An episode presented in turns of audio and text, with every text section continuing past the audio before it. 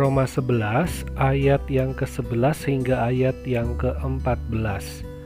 Maka aku bertanya, adakah mereka tersandung dan harus jatuh? Sekali-kali tidak. Tetapi oleh pelanggaran mereka, keselamatan telah sampai kepada bangsa-bangsa lain supaya membuat mereka cemburu. Sebab jika pelanggaran mereka berarti kekayaan bagi dunia, dan kekurangan mereka kekayaan bagi bangsa-bangsa lain, terlebih-lebih lagi kesempurnaan mereka. Aku berkata kepada kamu, hai bangsa-bangsa bukan Yahudi, justru karena aku adalah rasul untuk bangsa-bangsa bukan Yahudi, aku menganggap hal ini kemuliaan pelayananku, yaitu kalau-kalau aku dapat membangkitkan cemburu di dalam hati kaum sebangsaku menurut daging, dan dapat menyelamatkan beberapa orang dari mereka. Tersandung jatuh. Paulus menunjukkan ada perbedaan antara dua kata ini, tersandung dan jatuh. Israel tersandung, tetapi mereka tidak harus jatuh dalam arti tidak keseluruhan Israel akan binasa Memang Israel telah tersandung karena anugerah di dalam Kristus. Tetapi Allah tetap punya rencana dan tujuan yang mulia melalui apa yang dialami atau apa yang mereka lakukan. Melalui keadaan Israel pada saat itu yang menolak Yesus Kristus sebagai Mesias dan Juru Selamat, membuat berita Injil keselamatan makin dapat diberitakan kepada bangsa-bangsa sampai kepada kita di hari ini. Inilah yang disebut Paulus kegagalan mereka, kesalahan mereka menjadi kekayaan bagi bangsa-bangsa. Kalau kita melihat apa yang terjadi, bahwa berita Injil mula-mula dikabarkan oleh para rasul, itu mereka melakukannya berpusat di Yerusalem. Dan ketika banyak orang Yahudi menjadi percaya, banyak pengikut Kristus di Yerusalem, maka mulailah terjadi penganiayaan orang-orang Kristen oleh kelompok Yahudi, termasuk Paulus sendiri. Hal ini membuat orang-orang Yahudi yang percaya kepada Kristus atau pengikut Kristus ini terpaksa harus keluar, menyelamatkan diri, keluar dari Yerusalem dan menyebar dengan terus membawa pesan Injil sehingga bukan hanya orang-orang Yahudi di Yerusalem yang mendengar Injil, tetapi orang-orang non-Yahudi yang berada di luar Yerusalem, mereka juga mendapat kesempatan untuk mendengar berita keselamatan di dalam Yesus Kristus. Kisah ini kita bisa baca di dalam kisah para rasul. Dan berita keselamatan dalam Kristus yang disampaikan kepada bangsa-bangsa dikatakan oleh Paulus membuat orang-orang Yahudi cemburu. Karena memang konsep anugerah adalah sesuatu yang sulit diterima oleh orang-orang yang punya penekanan akan keselamatan dengan dasar ketaatan. Itulah yang membuat orang Yahudi tersandung.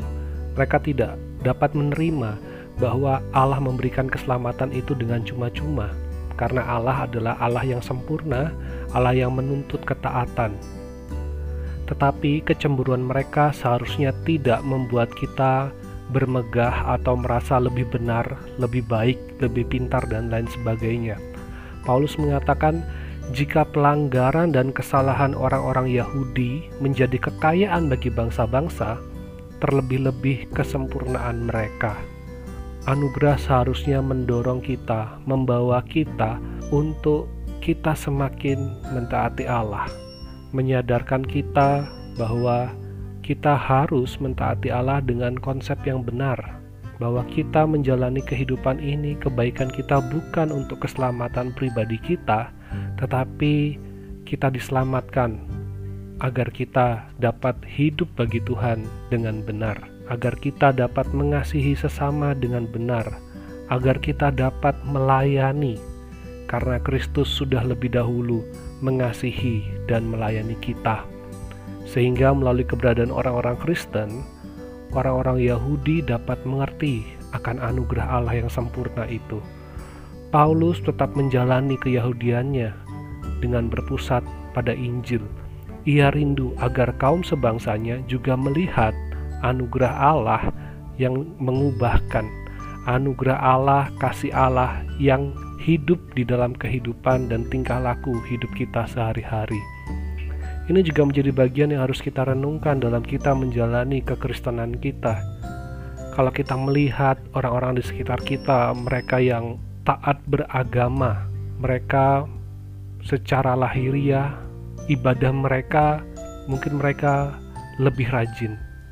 Mereka meluangkan waktu lebih banyak, bahkan mewajibkan bagi umatnya untuk melakukan ritual-ritual tertentu setiap harinya.